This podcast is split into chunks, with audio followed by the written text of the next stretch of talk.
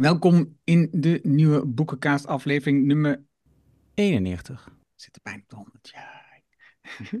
Het boek Groen en Gevangen, als je in de video kijkt, zie je ook de, het boek in beeld. Het is niet, ik zeg boek, maar het is eigenlijk bijna een boekje. Maar dat, dat klinkt oneerbiedig en dat is niet wat ik bedoel. Ehm, het is geschreven door Else Boutskan. De subtitel is Een verhaal voor duurzame durvers op het werk. Nou, even een disclaimer. Ik ken Else Boutskan persoonlijk redelijk goed. En ik heb een bijdrage geleverd aan dit boek, omdat ik eigenlijk haar accountability partner was. Niet eigenlijk, ik was de accountability partner in, in dit schrijfproces voor haar, voor dat boek. Dus ik heb het niet over de inhoud, heb ik niet met bemoeid, maar wel dat zij elke keer ging schrijven. Dus er zit een nauwe relatie tussen deze auteur.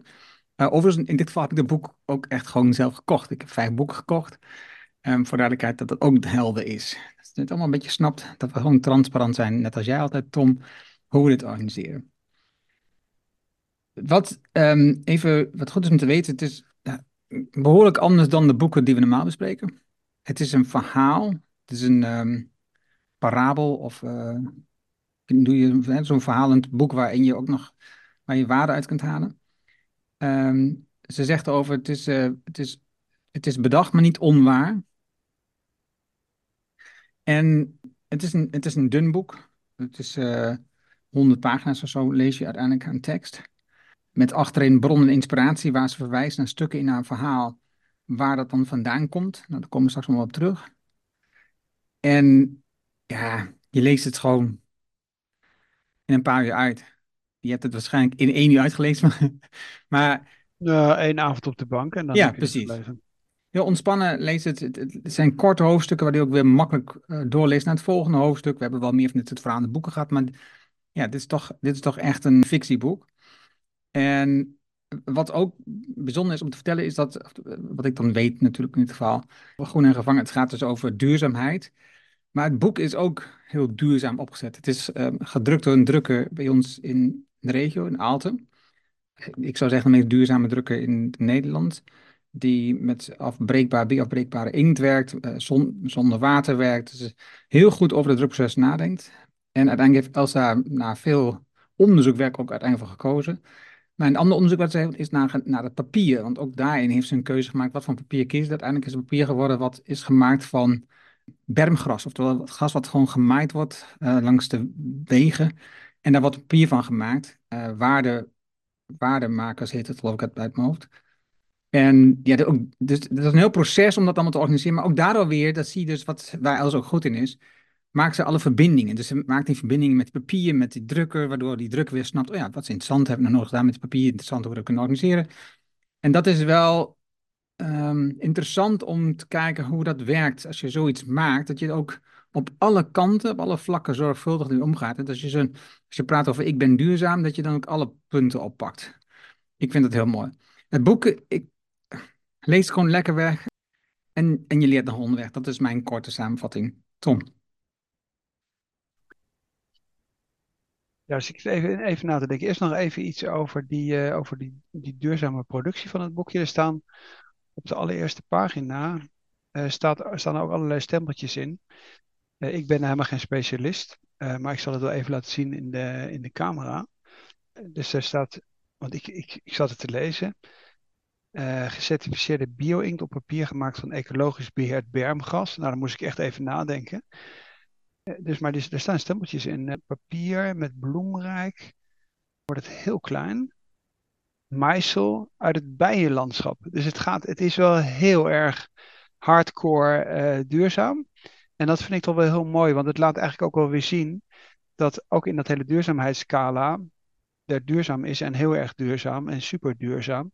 En zij zit, en je merkt het ook als je dat boekje doorbladert en is een harde kaft, dan merk je, oh, daar is echt een freak uh, is, daar, is daar aan de slag. Uh, en, dat, en dat past natuurlijk heel goed bij de inhoud. Want eigenlijk is het een beetje gek als je zo'n boek over duurzaamheid zit te lezen, dat je dan op dat waarschijnlijk driemaal chemisch gereinigde witte papier uh, zit te kijken. Hoewel dat natuurlijk in het algemeen ook wel beter is geworden de afgelopen jaren. Dus dat eerst even als aanvullend op wat jij zei. En dan dat verhalende. ik zat net even na te denken of wij überhaupt boeken die dus als verhaal geschreven zijn, wel vaker besproken hebben of dat ik nog andere voorbeelden ken. En toen schoot mij dat boek te binnen van Diederik Jansen over holocracy, Getting Teams Done. En dat is geloof ik ook verhalend geschreven. Uh, dus het is niet de eerste keer dat we, dat we voor deze vorm, dat we een boek bespreken wat die vorm heeft.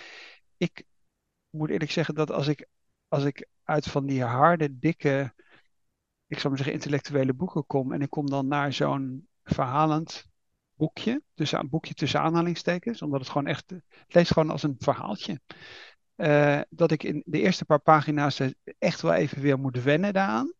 Maar om met de conclusie te starten, het is een typisch boek wat als je verandering teweeg wil brengen in je eigen organisatie.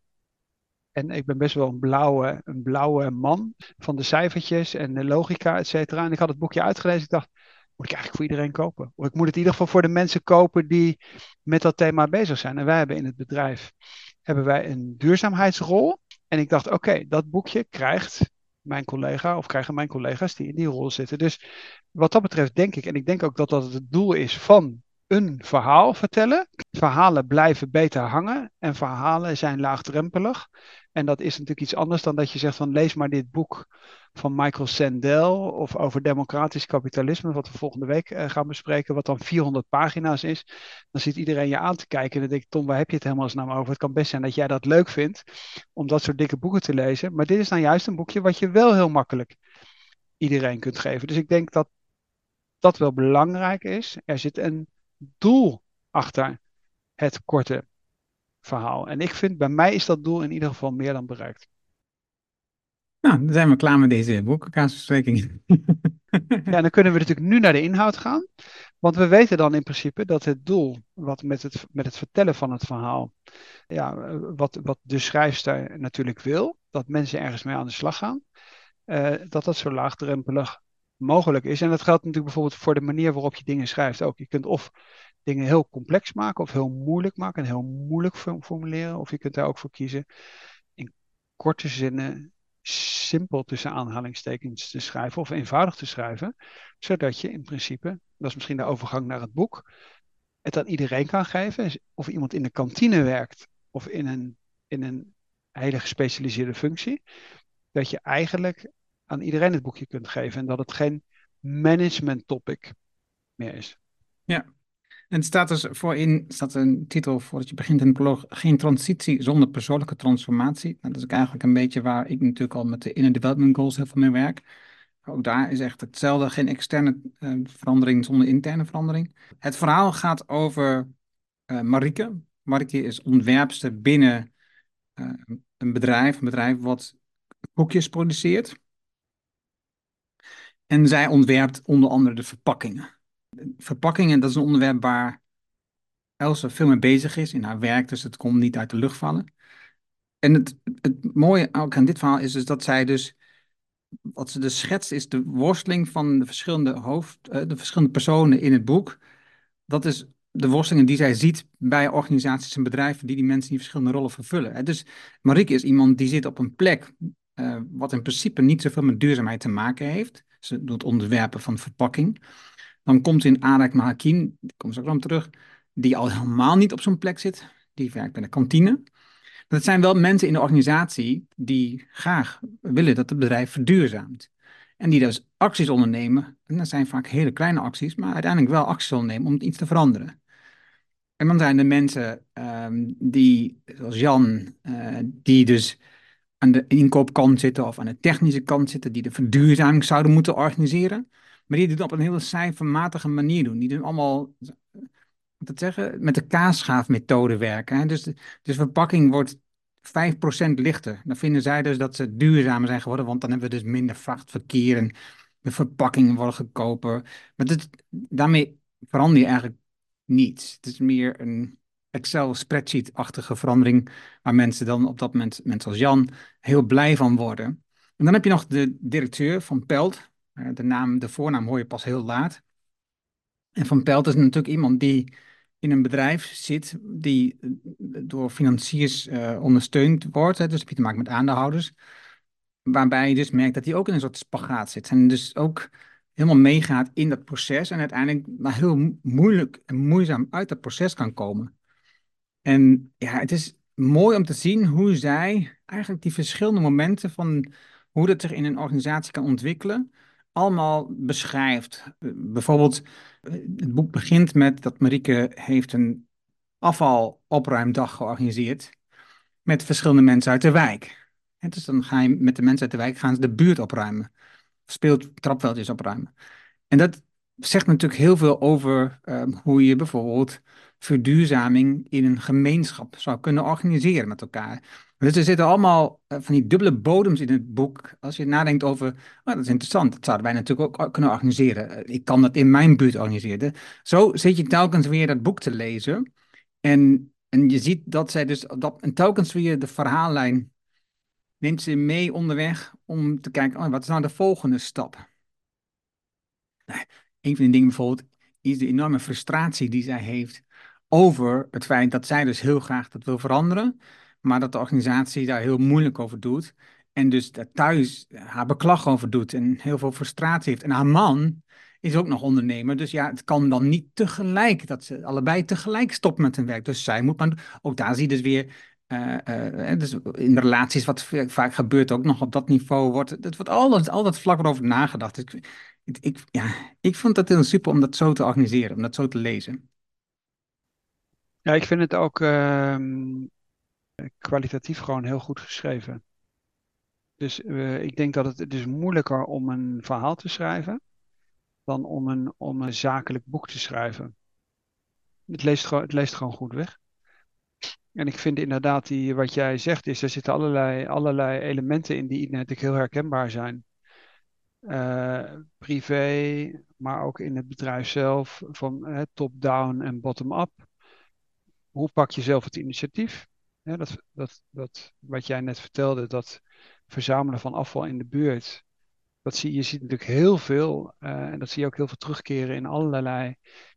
Neem bijvoorbeeld het hele thema met, uh, met uh, Extinct Rebellion. Hè? Dat zijn heel veel mensen die gaan in de vrije tijd gaan ze ergens op een autoweg zitten, zijn er heel erg mee bezig en gaan ze naar de hand allemaal weer naar hun werkgever. En hebben natuurlijk exact dit soort, dit soort conflicten. En zelfs heel veel ambtenaren die daar dan eigenlijk tegen hun eigen werkgever aan het, aan het, aan het protesteren zijn. Wat natuurlijk ook heel vaak uh, voorkomt. Of mensen die bij oliemaatschappijen werken, et cetera. Het is heel. Uh, ja, hier, is het, hier wordt dat aspect ook, uh, komt ook ter sprake, maar dat zal zeker voor veel mensen een enorme moeilijke situatie zijn. en tegelijkertijd heeft iedereen ook die financiële afhankelijkheid van een baan. dan maar te zeggen van, daar begint het boek eigenlijk mee dat ze heel erg gefrustreerd is en naar huis komt en zegt van ja, weet je wat, ik heb er geen zin meer in. Ik, uh, ik neem ontslag. En dan zegt hij van ja, is allemaal wel leuk en aardig, maar ik dacht dat we hadden afgesproken dat ik nu mijn bedrijf zou opbouwen en uh, dat jij de kostwinnaar zou zijn. Nou, ik denk dat een aantal mensen dat wel herkent. Dus ik vind dat, en daardoor, doordat het zo herkenbaar wordt, word je als lezer eigenlijk in dat boekje gezogen. Het is niet een afstandelijk verhaal, nee, het is je, het is je eigen verhaal. En dat vind ik dat ze dat erg knap doet. Ja, wat je ziet is dat zij dus um, op een bepaald moment in contact komt met die Hakim. En in de kantine aan de slag gaat met een plan. En dat eigenlijk met z'n tweetjes bedenken. Op een moment zien we dus de worsteling. Dat, nou, dat we toch steeds hebben. Ja, moet zakt en schoenen. Het waarschijnlijk gaat toch niemand ermee doen. Dan heel toevallig tussen aanhalingstekens komt uh, Jan, uh, dus, uh, haar manager, komt binnen.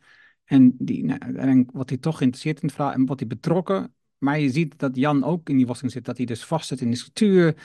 Um, die, die financiers komen langs, dan moet hij toch allemaal goed organiseren. Dan mag je niet over dit onderwerp praten, want we hebben het al moeilijk genoeg. En op een moment wordt hij toch meer geraakt, Jan, en gaat hij daar meer mee in de slag. En dan zie je weer een moment, wat heel bijzonder is. Dan roept Jan, roept uh, Marieke bij zich en zegt, uh, nou, dan moet je echt wel een keer ophouden, want het wordt nu heel ingewikkeld. Al mensen klagen over, uh, over dit project dus we hebben dan de, de, groendoeners. Het is, een, het is een team van mensen in de organisatie die zich langzaam onderheen hebben verzameld. Die mee willen werken aan meer groen organiseren. En die hebben dan een soort herkenningsspeltjes en kleding gemaakt. Dat, dat strookt niet met de communicatie en kleuren en huisstijlen. Dus dan krijg je daar commentaar. Dus dat zie je natuurlijk, wat je net al zei, top-down. En die, En die bottom-up situaties zie je daar dus ontstaan. Je ziet dus de discussies, als iets van bottom-up komt, dat het verstrikt laat in de structuur van top-down. En dus, dus ja, dat is super ingewikkeld. Maar ja, uiteindelijk komt het toch verder en gaan ze in gesprek met de directeur. En na ehm, een vlammend betoog van Marieke, uh, nadat het in eerste instantie uh, een beetje wordt, uh, moet zeggen, niet rechtgezet, maar wel een beetje wordt teleurgesteld in de reactie van de directeur. Dat eerst zie je de vlammen, de oogjes weer, de, um, weer gaan branden, zeg maar. Dan zie je dus het licht weer gaan branden bij die directeur. Op een bepaald moment schiet hij weer in de oude rol.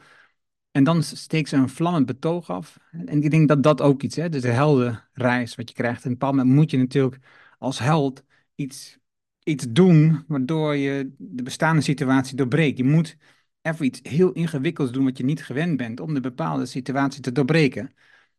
Ja, en dan verandert er weer wat. Dus dat is, dat, ja, dat wat je al zegt, telkens weer um, weet je in het boek te zuigen met voorbeeld waarvan je, nou ja, waarvan ik dat de meeste mensen het wel hebben gezien. En zeker als je een duurzaamheidsmanager bent in een organisatie, ja, dan zit je waarschijnlijk meer aan die kant van Jan als iemand die duurzaamheid in hart en nieren heeft en gewoon vanuit onderop dit organiseert. Het is eh, afhankelijk van op welke plek je zit, zul je waarschijnlijk meer aangesproken voelen en denken, ja, dit is echt iets wat we moeten doen. Of denken, ja, nee, dan heb je weer zo'n iemand die dat dan tegen alle regels in doet. Eh. Ja, wat ik misschien nog wel belangrijk vind, en dat wordt natuurlijk bewust in dat personage van die Hakim, die in de kantine werkt, ook heel erg uitgewerkt, is dat eh, die functionele splitsing die we normaal gesproken in bedrijven hebben. Zei het al even, de duurzaamheidsmanager. Dat zit dan bij, weet ik veel wat, uh, development. Of, uh, en, en, en dat wordt in dat verhaal natuurlijk doorbroken. En, en wat je natuurlijk veel hebt, is dat er enorm veel kennis en kunde in een bedrijf is. Alleen die, dat is niet functioneel georganiseerd. Dus in dit verhaal, waar zij dan Hakim leert kennen en eigenlijk hem alleen maar als collega in de kantine eigenlijk ingeroosterd heeft, komen zij door dat thema met elkaar in contact. En dan blijkt dus dat Hakim in zijn vrije tijd heel erg met biodiversiteit bezig is. En ik fotografeert of, en daar heel veel verstand van heeft, omdat hij daar gewoon in zijn vrije tijd mee bezig is, het eigen passie. En dat vind ik, vind ik uh, in zoverre ook wel weer interessant, omdat natuurlijk die, als je op een andere manier je bedrijf organiseert en je doet het op basis van thema's, of wij zouden zeggen op basis van rollen, uh, dan kan iedereen meedoen. En dat is wat in dat, in dat boekje ook ge gebeurt. Dat ze eigenlijk zegt van ja, iedereen die, die groen wil bijdragen, ik weet niet precies hoe ze het hebben genoemd, of groen wil denken, die is eigenlijk van harte welkom. En dat, dan begint dat, ik zou maar zeggen, in een, in een niet, niet officiële circuit. Mensen, hè, ze, ze spreken af in hun vrije tijd en gaan dan in de kantine zitten, niet in de tijd van, van de baas. Uh, alleen het is natuurlijk, als je, dat, als, je dat, als je een flexibele structuur hebt waar iedereen kan aansluiten, dan, ja, dan maakt het helemaal niet uit wat de mensen voor de rest doen. Dus als je nou natuurlijk, en dat zie je bij innovatie natuurlijk ook, uh, want er zijn ook voorbeelden genoeg van, als mensen een bepaald percentage van hun tijd aan iets mogen besteden, bij innovatie is dat met, met uh, eh, 3M en zo is dat allemaal veel bekender dan hier met het groene thema. Vind ik bijvoorbeeld ook weer echt wel iets wat, waar iedereen eens over na zou kunnen denken. Je kunt best zeggen, nou, als je nou allemaal wilt verduurzamen, maakt niet uit waar je in die organisatie zit. Je kunt een bepaalde tijd, noem wat vrijdagmiddag of zo, I don't know. Eh, kan iedereen bij elkaar komen die dat een relevant thema vindt? Je zou dat ook kunnen opsplitsen. Of misschien dat iemand anders zegt van, nou, ik wil een sociale bijdrage doen en we gaan, uh, weet ik veel wat, de school schilderen of uh, de kleuterschool helpen, I don't know. Of uh, ziekenzorg. Of, dus en, en, en, en, en dat is wat je in dat boek dan plotseling ziet. Omdat je iemand hebt die. Het zijn eigenlijk beide personen die niet op dat duurzaamheidsthema zitten. De ene van de verpakking en de andere vanuit, even vanuit de keuken. En die zijn eigenlijk de aanjagers van dat, van dat proces. Het komt niet uit de functie duurzaamheidsmanager. Wat ik nog even over Hakim, het ook wel bijzonder, wat hij dus ook in het boek beschrijft, of wat zijn boek beschrijft over Hakim, is dus dat hij bewust voor gekozen heeft om niet verder, niet door te leren.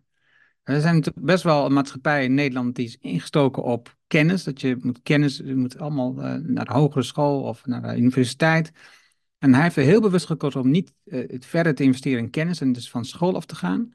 Maar wel heel veel te leren op een hele andere manier dan op school, omdat hij dat veel prettiger vindt. En ik denk dat dat ook weer, een, een idee is om over na, of niet, een mooi idee om eens over na te denken. Om, waarom moeten we ook allemaal op school leren? Voor veel mensen werkt dat niet eens. En we zouden dat veel meer kunnen openbreken, dat, dat, die gedachtegang. En er zit natuurlijk heel veel angst achter, maar je ziet met zo iemand als Hakim als voorbeeld, dat het echt wel anders kan. Het is, het is niet altijd makkelijk, maar het kan gewoon anders.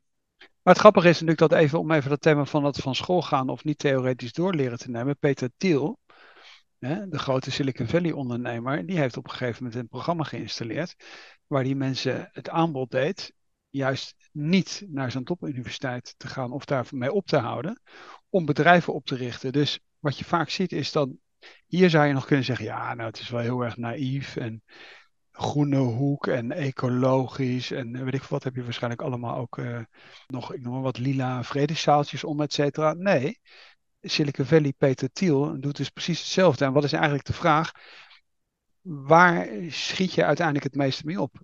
Uh, nou is het waarschijnlijk altijd een soort combinatie. Het is niet zwart-wit.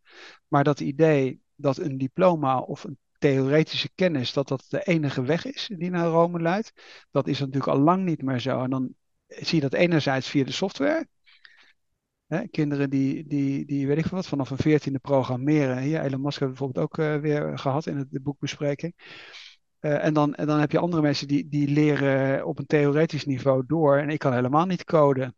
Terwijl dat misschien zinvoller zou zijn geweest dan middeleeuwse geschiedenis. Uh, hoewel ik het wel heel leuk vond te doen. Dus, dus, dus, dus ik denk dat, dat die, die discussie tussen theoretische en praktische kennis, uh, dat, dat is denk ik iets waar je, we ons bewust van moeten zijn. En wat dat betreft ook de, de mobiliteit binnen bedrijven ook veel minder zouden, of ook daar zouden moeten openbreken. En niet zouden moeten zeggen van hé, hey, ja, maar jij kunt die functie niet vervullen, want jij hebt niet gestudeerd. Ik zeg maar uh, even heel simpel gezegd iets. En dat is iets waar wij overigens in ons bedrijf ook best wel mee worstelen. Dat we zeggen van nou, enerzijds is het, is het natuurlijk heel, heel prettig en makkelijk. Een beetje misschien ook de weg van de minste weerstand. Hè? Want dan zeg je gewoon, nou weet je wat, ik wil gewoon een academische opleiding hebben en dan ga ik van daaruit kijken. Dan heb ik, heb, maak ik het mezelf makkelijk. Maar het is natuurlijk, ja, met wat zelfreflectie zou je er toch echt een heel groot vraagteken achter moeten zetten. En we weten allemaal uit ervaring dat je vaak in de praktijk hele goede mensen tegenkomt die helemaal geen papieren hebben of helemaal niet die klassieke weg hebben gekozen. En omgekeerd kom je een hele hoop mensen tegen die theoretisch eh, enorme diploma's hebben, maar waarvan je in de praktijk denkt van, hmm, ik weet het eerlijk gezegd niet. Dus um, ik denk dat dat punt hier ook goed, uh, uh, goed gethematiseerd wordt, op een overigens hele sympathieke manier gethematiseerd wordt, een hele positieve manier gethematiseerd wordt. Want ook aan het einde, daar komt ze op terug, want Marike die heeft dan aan Van, van de Pelt dus een boek gegeven waarin hij dan uh, dingen kan schrijven die hij zelf ontdekt. Hè? Dus, en, Van den Pelt die, die mijmert daar nog even over. Die zegt, oh ja, die zegt gewoon in zichzelf, ja, ja, dat was natuurlijk de manier waarop Minneke dat ook deed. Die haalt van heel verschillende kanten die informatie en de kennis op ze. Hè? Dus, dus dat draagt enorm bij in een verbreding van je kennis dan alleen maar uh, wat je weet vanuit de boeken. Dus, en ik, als ik naar mezelf en ons kijk, dan denk ik eigenlijk dat wij dat ook doen. Hè? Dus, dus, dus wij de boeken, we nemen heel veel verschillende boeken van allerlei verschillende uh, uitgangspunten. Um, om ook ondernemers mee te nemen op die reis, dat er meer is dan alleen maar de weg van het economische gedachten of het kapitalisme. We zitten, heel veel, we zitten met heel veel verschillende soorten theorieën te werken. Plus, als ik naar, naar mezelf kijk, dan heb ik de podcast, maak ik heel veel gasten uit nodig om op hun expertise uh, te leren en te ontdekken, waar zitten ze in. En ik denk, van mij is dat dus veel en soms heb ik de neiging, want ik heb natuurlijk ook wel een studie gedaan, maar soms heb ik de neiging, denk ik, ik zou eigenlijk een opleiding moeten willen volgen om dat nog weer te verdiepen. Maar eigenlijk doe ik niet anders dan dat, een opleiding volgen, alleen dan niet op papier. Dus ik krijg er niet een, een certificaat bij. Nee, klopt. Heb je nog iets wat je wil zeggen over de inhoud? En dan gaan we naar de bronnen, wat mij betreft. Ja, ik denk wel dat die bijvoorbeeld, het zijn, uiteindelijk zijn het een paar conclusies eh, die ze uh, uitwerkt. Dus ik denk dat dat idee en dat wordt ook uitgewerkt en als, als uh, duidelijk in dat boek verwoord, dat idee, ik kan alleen maar aan de slag gaan als top-down. Dat geldt overigens voor de maatschappij en ook voor het bedrijf, bedrijf. Als daar van boven gezegd wordt, ja, nu gaan we vergroenen. En daarom is dit ook dat voorbeeld van het afval verzamelen erin. Omdat, en ik, dat is zowel het afval verzamelen als in het bedrijf, je trekt mensen aan die allemaal met datzelfde thema bezig zijn. Dus als jij zwerfafval ergens gaat verzamelen in de buurt, komen allerlei mensen op af waar je normaal gesproken helemaal niet over praat. Alleen dat is je gemeenschappelijke thema. En van daaruit accelereer je dan en zegt van hé, hey, hebben nu hebben we de boel opgehaald. Ja, wat zouden we, hoe zouden we het eigenlijk kunnen voorkomen dat hier zoveel rotzooi ligt? En dan ga je, weet ik veel wat, wat je voor de rest gaat doen. Of zouden we ook andere dingen kunnen doen in de straat of in de buurt? Dus ik denk dat de juiste mensen, die allemaal eigenlijk als, als individu, zit je daar en denk je van ik kan, ik kan de wereld niet veranderen, wordt getransformeerd in ik kan wel de wereld veranderen, maar de voorwaarde is dat ik gelijkgestemden vind die dat ook willen. En met z'n allen, of met die groep, hebben we een grotere kans de wereld te veranderen. En de eigen individuele frustratie, geïsoleerde individuele frustratie, wordt eigenlijk veranderd, en dat is natuurlijk het thema waar jij de hele tijd mee bezig bent, in een collectieve, positieve uh, drive. Dat je zegt van ja, maar want als je met gelijkgestemden bent, eigenlijk spreek je elkaar moed toe.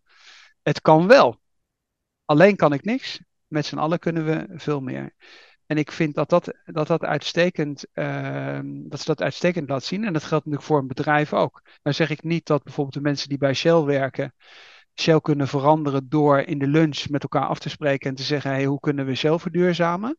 Maar why not? Waarom niet? Eh, ik, kun je ook zeggen van ja, allemaal, Shell, allemaal bij Shell weggaan. Maar dat zijn, er zijn misschien ook gewoon heel veel mensen die gewoon economische uh, ja, verplichtingen hebben waar ze niet 1, 2, 3 onderuit komen. Dus ja, misschien moeten de mensen bij Shell maar tijdens de lunch afspreken en zeggen: hier is de groene hoek.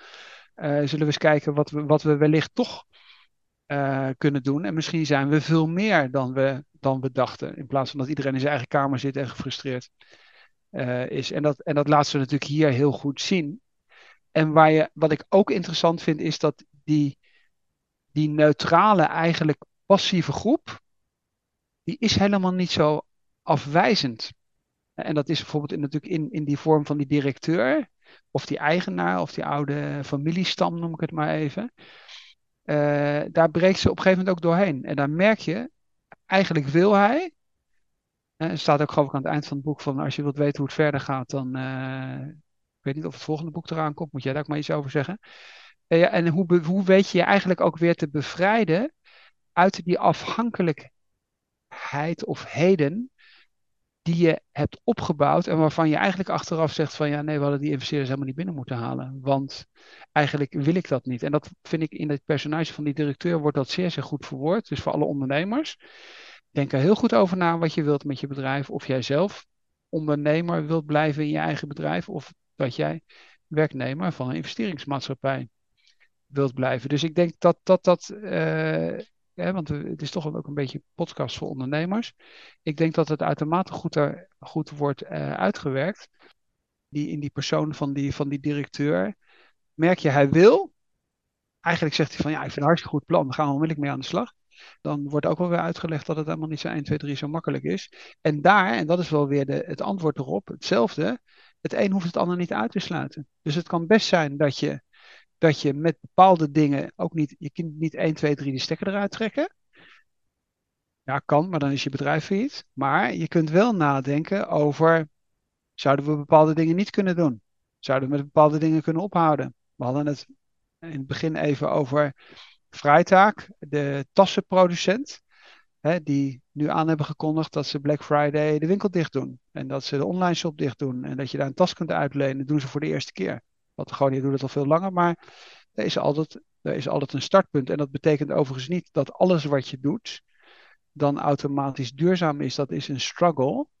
Alleen dat idee van ik kan het niet doen, want ik kan het niet parallel doen en anders is het tegenstrijdig. Ja, dan maar dingen doen die tegenstrijdig zijn. Want dat is beter dan niks doen. Ja, de deel 2, dat, eh, dat uh, staat hier ook. Hè? Dus de laatste pagina staat hier meer lezen. In deel 2 van Groene Gevangen is Gerard van Pelt. Dus dat is de, de directeur. Uh, de hoofdpersoon en volgen we zijn weg om Koninklijke Krakeling uit de gevangenissen van handelsketens en financiers te bevrijden. Om er een betekenisvol bedrijf van te maken. En de, de, ketens, onder andere, ze hebben dus een nieuw product ontwikkeld waarmee ze samenwerken met een hele grote retailketen, waardoor je heel erg afhankelijk wordt. En ik moet dus denken aan We hebben gesprekken gehad rondom het boek Rijnlands Gedachtegoed. Hè? Maar we hebben samengewerkt en daar hebben we ook een ondernemer gesproken die in deze wereld zit, veel met retail te maken, en die op een bepaald moment ook alleen maar zei, ja, ik doe gewoon wat die retailers van me verwachten. Als zij willen dat ik een duurzame papierverpakking doe, dan doe ik een duurzame papierverpakking. En als ze zeggen, ik moet een plastic doe ik plastic verpakking. Dus dan zie je dus hoe gevangen dat soort mensen in een systeem zitten. Nou, dat, en dat, nou, ik ben zeer benieuwd ook wat dat betreft naar deel 2. Als je kijkt naar, want ze heeft, zij, zij, zegt dat ook heel mooi, ik sta op de schouders van anderen. Hè? En dan heeft ze dus in het in het laatste stuk Bron en Inspiratie heeft ze dus stukken uitgewerkt over onderwerpen die ze zo te sprake brengt. Nou, een paar van die dingen hebben wij zelf al eerder besproken. Bijvoorbeeld, ze noemt Rijnland een nieuw Europees organiseerd. Dat boek hebben we besproken bijvoorbeeld. Betekenisdynamiek hebben we het over gehad. Uh, Living Labs hebben we het nog niet over gehad, maar dat komt ook hier terug. Dat is een wereld waar zij behoorlijk in zit. Dat is super interessant. Nou ja, zo heeft ze heel veel dingen, hoe je dingen zou kunnen organiseren. Ze noemt bijvoorbeeld boeken van Babette Porcelein over ehm, hoe je in je eigen sfeer de dingen kunt organiseren, de verborgen impact. Nou, er zitten dus heel veel dingen in, waar je dus ook nog dus weer, want ze noemt dat ook de boektitels bij, een verdieping in kunt krijgen. Bijvoorbeeld inclusiviteit, want Hakim is natuurlijk een buitenlandse naam. Hoe je dat dan organiseert in die organisatie. Ja, Rotmans over transities wordt genoemd, dat hebben we ook besproken al eerder. Uh, nou, dus dit is, het is super interessant om te lezen. En wat, wat ook wel weer, wat, wat ze mooi heeft gedaan, anders dan gebruikelijk. Aan het einde ze een, een hoofdstukje, één pagina, met een dankwoord. Maar niemand is met naam genoemd. dus ze, noemt uh, iedereen, maar zonder de namen te noemen. Dus als, jij, als je haar hebt geholpen in dit boek, dan weet je waar je genoemd staat. En dan voel je je waarschijnlijk aangesproken door iets. Uh, maar het staat niet, uh, je naam staat er niet bij. Dus dat is wel heel bijzonder gedaan. Het boek is te koop bij de bekende boekhandelaar. Zo dat, en en ja, dat, het ligt bijvoorbeeld bij managementboek op dit moment ook. Dus ja, dus ik zie het ook als een managementboek. Weet je, in eerste instantie vond zij van ja, maar het is eigenlijk een managementboek. Ik zie het wel als managementboek. En ik denk dat wat jij net hebt beschreven, en jij staat iets verder weg dan ik op dit boek. En ik heb je zo min mogelijk zeg maar, proberen te beïnvloeden op dit boek. Ik heb je het boek gewoon gestuurd en aan jou overgelaten wat je ervan vond. En we hebben het ook van tevoren niet over gehad, hè, over wat ik ervan vond en wat jij ervan vond. Dus ik, ik heb het zoveel mogelijk aan je overgelaten. En ik, ja, ik denk als ik jou beluister, eigenlijk hetzelfde wat ik zelf ervaar, is dat het, een, dat het eigenlijk een heel waardevol boek is voor managers en ondernemers. Om na te denken, hoe dit zou ik integreren in een bedrijf? En dat je, omdat het een verhaal is, erin mee wordt gezogen en het daarom ook makkelijk kunt doorvertellen aan anderen. Ik wil dan nog iets zeggen over dat dankwoord. En nog iets over uh, retail. Eerst even over het dankwoord. Ik zat het te lezen. Nou goed, ik, uh, kan me er iets onder voorstellen. En ik was, ik zat een, was een beetje in dubio. En ik, ik zeg ook waarom. Ik vind het vaak wel interessant om, als er concrete mensen genoemd worden, en ik, ik kan me bij de een en de ander ook wel uh, iets voorstellen, dan denk ik van ja, de mensen die dit lezen, die zijn met dezelfde thema's bezig. Bijvoorbeeld, moet je wel of niet een boek zelf uitgeven en hoe, duur, hoe kun je een boek zo duurzaam mogelijk uitgeven. Op het moment dat er namen genoemd worden, is het makkelijker om die te googlen en dan met die mensen contact op te nemen. Dus mijn insteek zou toch meer zijn. Dus het kan best zijn dat er privacy redenen voor zijn. Maar dan denk ik, ik zou, ik zou de mensen dus wel met naam en toenaam noemen. Ten eerste vind ik dat, vind ik dat erg sympathiek ten opzichte van de mensen die je dan geholpen hebben. En ten tweede, open je daardoor, en radical transparency, open je in principe die wereld en zegt van nou weet je wat, als jij, ik, ik weet, we hebben het niet eens over jouw rol gehad, maar als jij nou de schrijfcoach bent geweest, iedereen weet hoe moeilijk het is om een boek te schrijven, dan dan, oh, dan moet ik die Erno Hanning hebben. Of weet ik veel wat je voor de rest van. Of als het om duurzaam uitgeven gaat, dan neem contact op. Via LinkedIn functioneert het hartstikke goed. En juist die mensen, en dat vind ik weer interessant, juist in deze hoek waar het al zo moeilijk is, heb je daar veel meer, uh, vind ik bijna de plicht tussen aanhalingstekens dat te doen. Omdat namelijk die grote gevestigde orde, die is altijd super georganiseerd. En die, is altijd, die is, weet altijd super de mensen te bedanken. Dus wie is er in Nederland het beste georganiseerd? Dat zijn de grote multinationals. Dat zijn de grote banken. Al die kleine start-ups in die fintech-wereld, die denken dat ze van elkaar de concurrent zijn. Maar de Nederlandse Vereniging van Banken, daar zitten de grote partijen samen en laten dan door een communicatieafdeling, schiet me te binnen omdat mij dat iemand vertelde, laat dan die reacties sturen als iemand anders iets heel anders doet. Dus ik zou toch zeggen, ik zou daar nog eens over nadenken. Ik zou juist mensen met naam en toenaam noemen om die community eigenlijk te motiveren en te activeren. tweede ding wat ik nog even wilde zeggen over retail, omdat het echt altijd elke keer, en ik dacht van nou retail is misschien eigenlijk nog een veel beter voorbeeld om, die, om, die, om, om te laten zien dat het niet zo zwart-wit is. Neem bijvoorbeeld zeepje. Hè, dus biologische zeepmerk noem ik het maar even. Ik heb overgeschreven stand van die wereld. Als jij in de retail, als je, als je wilt dat je merk groot wordt en je wilt voldoende verkopen, dan is dat idee dat je dat zelf doet door zelf een zeepwinkel te openen. En daarom noem ik even zeepje. Dat is allemaal hartstikke leuk en aardig, maar dat zet gewoon geen zoden aan de dijk. Dus als in Nederland bijna alles wat je produceert via een paar grote supermarktketens wordt verkocht, dan kun je best met het idee komen, ik weet niet hoe het in het boek verder gaat, dat je je, boek, dat je, je koekjes online uh, alleen maar kunt bestellen, want dan heb je die retailer ertussen niet nodig. Alleen, je zult daar geen groot merk mee opbouwen. Tony Chocolonely zal, zal een impact, ik weet het niet, doordat ze dan bij Albert Heijn of een andere club binnen waren. Tony Chocolonely is wat dat betreft wel een goed voorbeeld, want ze liggen overal in de schappen. Wat je daar voor de rest van vindt, maakt helemaal niet uit. Zeepje is hetzelfde verhaal, dus je hebt die retail wel nodig. De vraag is alleen, en daar is bijvoorbeeld Lidl te binnen geschoten, omdat we het ook al vaker over hebben gehad. Kan zelfs zijn dat als jij in gesprek gaat en je probeert juist wel die discussie over de verpakking te voeren, et cetera. En je, je weet bijvoorbeeld Lidl te overtuigen dat te doen. Hè, want die lees je heel veel over. Dat ze, Kipstar, Kipstar is wat dat betreft het beste voorbeeld. Daar zegt de oprichter, zegt, ik had het nooit kunnen doen als ik commitment van Lidl niet had gehad. Had ik niet eens, had ik niet eens kunnen beginnen. Dus ik denk dat we daar, dat we daar best mee, mee moeten, moeten oppassen. Dat is niet zwart-wit. Het is ook niet het een is goed en het andere is kwaad. Omdat dan het grote probleem is dat dat, dat, dat ideaal van de biologische supermarkt op de hoek, die heeft, ook niet, die heeft het ook niet overleefd. Omdat ze uiteindelijk, ze hebben nooit schaalvergroting toegepast. Je kunt alleen maar echt impact maken. En dat is die discussie van, ja, wil je wel of niet groeien? Ja, je wilt als bedrijf groeien.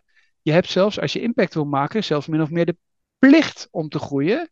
Want je doelstelling was dat je nou juist impact wilde maken. Dus hoe meer uh, eieren Kipstar uh, weet te produceren en daardoor marktaandeel weet te winnen ten opzichte van anderen die dat op een minder verantwoorde manier uh, doen, ja, dan, dan doe het. Maar dat betekent wel dat je, dat je groot moet denken.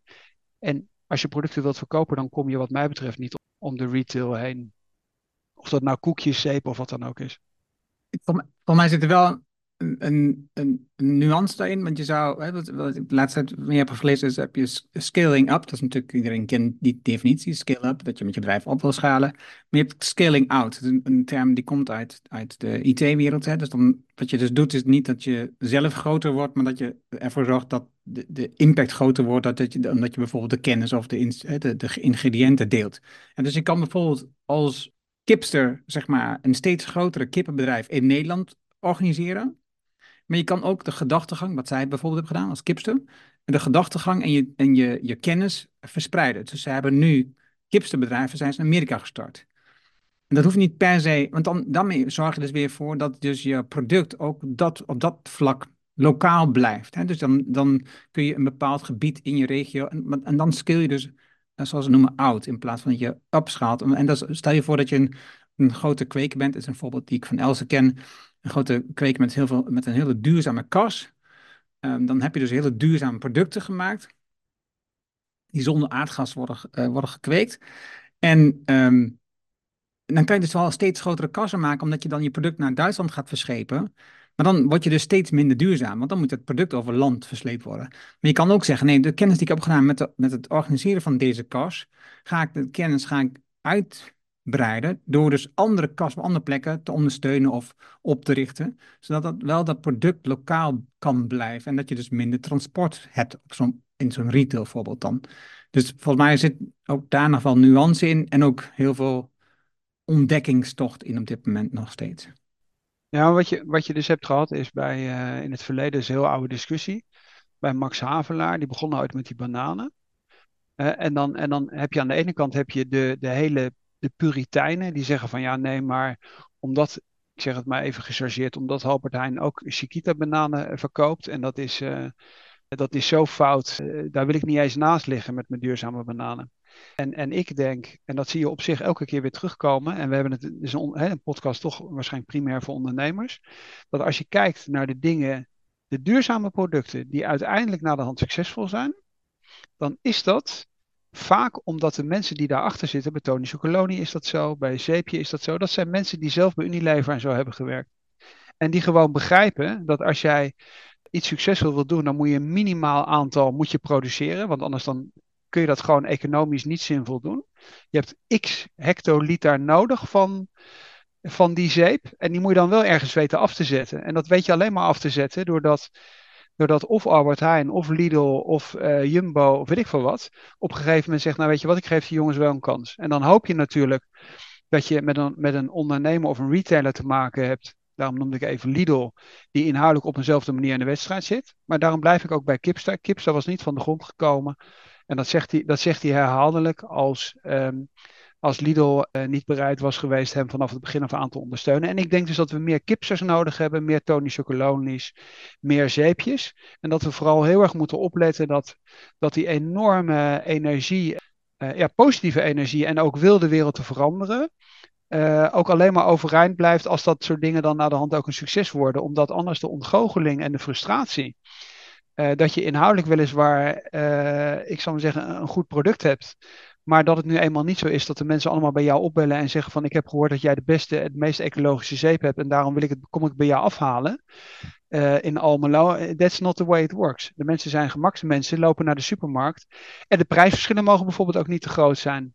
Omdat, omdat iemand die gewoon uh, uiteindelijk gewoon aan het eind van de maand rond moet komen. Als het, als het verschil te groot is, kiezen mensen niet voor duurzame producten. En daar zul je als ondernemer ook rekening mee moeten houden. Dat is een mooi, en om af te sluiten nu ook, deze week in het nieuws was dat de Jumbo nu hun uh, vegetarische uh, vleesproducten, even wat gemak hè, um, nu lager geprijsd hebben dan hun echte vleesproducten. En dat zie je bij Lidl. Lidl heeft bijvoorbeeld, uh, ik vind Lidl wat dat betreft een hele vooroplopende winkel, hè, een retailer. Um, hebben nu hun vegetarische producten naast de producten gelegd in de, gewone vleesproducten schappen. Dus het, ligt zo dicht bij elkaar en ook de prijzen liggen zo dicht bij elkaar. Vaak is het vegetarische deel goedkoper. Dat je dat eigenlijk waar in het verleden zeg maar dat dat, een, dat dat een argument was om niet te kopen omdat het dus duurder was en alleen maar beschikbaar was voor mensen die heel erg uh, groen waren en, eh, en ook uh, sociaal en, en dus veel geld hadden in dat vlak ook nog een keer. Die konden het. Nou, dat is dat, dat argument wat steeds meer onderuit. Uh, en dat, en dat het zijn wat mij betreft goede ontwikkelingen. Ik dank Elze ten eerste van harte, niet omdat het boek hebben gekeken, maar dat ze het boek heeft geschreven. En, dat ik haar ook dan nog bijdrage in het proces. Zij zegt dat um, ik hielp in het schrijfproces, maar dat het de meest slechte leerling was. Dat zegt ze over haarzelf. En verder, ja, wat we aan het begin hebben gezegd, het is gewoon een boek wat heel gemakkelijk wegleest, waar je verschillende functies in je bedrijf kunt zien en ook kunt ontdekken hoe je nou dit in je organisatie zou kunnen organiseren, dwars door alle functies heen. En als je al een horizontale organisatie hebt, zoals jullie bijvoorbeeld, uh, Tom, dan is het natuurlijk een stuk makkelijker, want dan heb je gewoon rollen en dan heb je daar veel minder discussie over. Dat is mijn afsluitende opmerking. Ja, ik heb voor de rest uh, weinig toe te voegen. Dank uh, Erno uh, voor het toesturen van het boek. Ik vond het een, ja, een hele aangename, positieve verrassing. En ook een goede afwisseling met betrekking tot ook tot andere boeken. En met betrekking tot schrijfcoach vind ik op zich wel grappig dat je dat, dat, je dat moet, want ik wist dat dus niet ik ben nog steeds eh, account, ik ben niet een schrijfcoach, ik ben accountability partner. Dus dit ja, is, ja ik, ik weet het. Je hebt dat. Dus het gaat niet over de, de, het schrijfpro, het gaat niet over het schrijven, maar het gaat over het schrijfproces. Dus dat ja, is het verschil even voor duidelijkheid. Begrijp ik, maar ik, vond, ik vind dat, ik denk dat er veel mensen, bij ons was het, is het intern bijvoorbeeld ook een term, omdat mensen wel vaker hebben gezegd, eh, wanneer schrijven jullie eindelijk eens een keer dat op wat je overal loopt te vertellen. Um, uh, ja, maar ik ben ook niet zo'n schrijver. Ik schrijf af en toe misschien eens een keer een column, maar dat is het dan ook. Dus ja, ik vind het eigenlijk wel een uitnodiging ook aan iedereen die eigenlijk juist dit soort dingen ook uh, toch aan het papier wil toevertrouwen. Uh, dat ze dan jou maar eens moeten benaderen en moeten vragen: Erno, wat doe jij dan precies? Want het grote probleem is inderdaad dat je waarschijnlijk gewoon iemand nodig hebt die je af en toe een schop onder, onder je kont geeft. omdat je anders het boek gewoon niet afkrijgt. En daar heeft iedereen het over die boeken schrijft. Dus wat dat betreft vind ik, uh, ja, moeten we maar een keer een andere keer over hebben. Ik vond het leuk om dat, dat op deze manier uh, daar dan getuige van te zijn van het werk wat jij op de achtergrond verricht hebt. Ja. Dankjewel voor het luisteren. Ik vond het fijn, wij vonden het fijn dat je erbij was vandaag. En um, nou, luister ook onze vorige afleveringen die we hebben genoemd in de podcast. Als je in de show notes kijkt, heb ik altijd de links van de vorige aflevering die we noemen. Dus kun je gelijk naar doorklikken. Over twee weken hebben we weer een nieuwe aflevering online staan. Dankjewel Tom. Dankjewel Enno.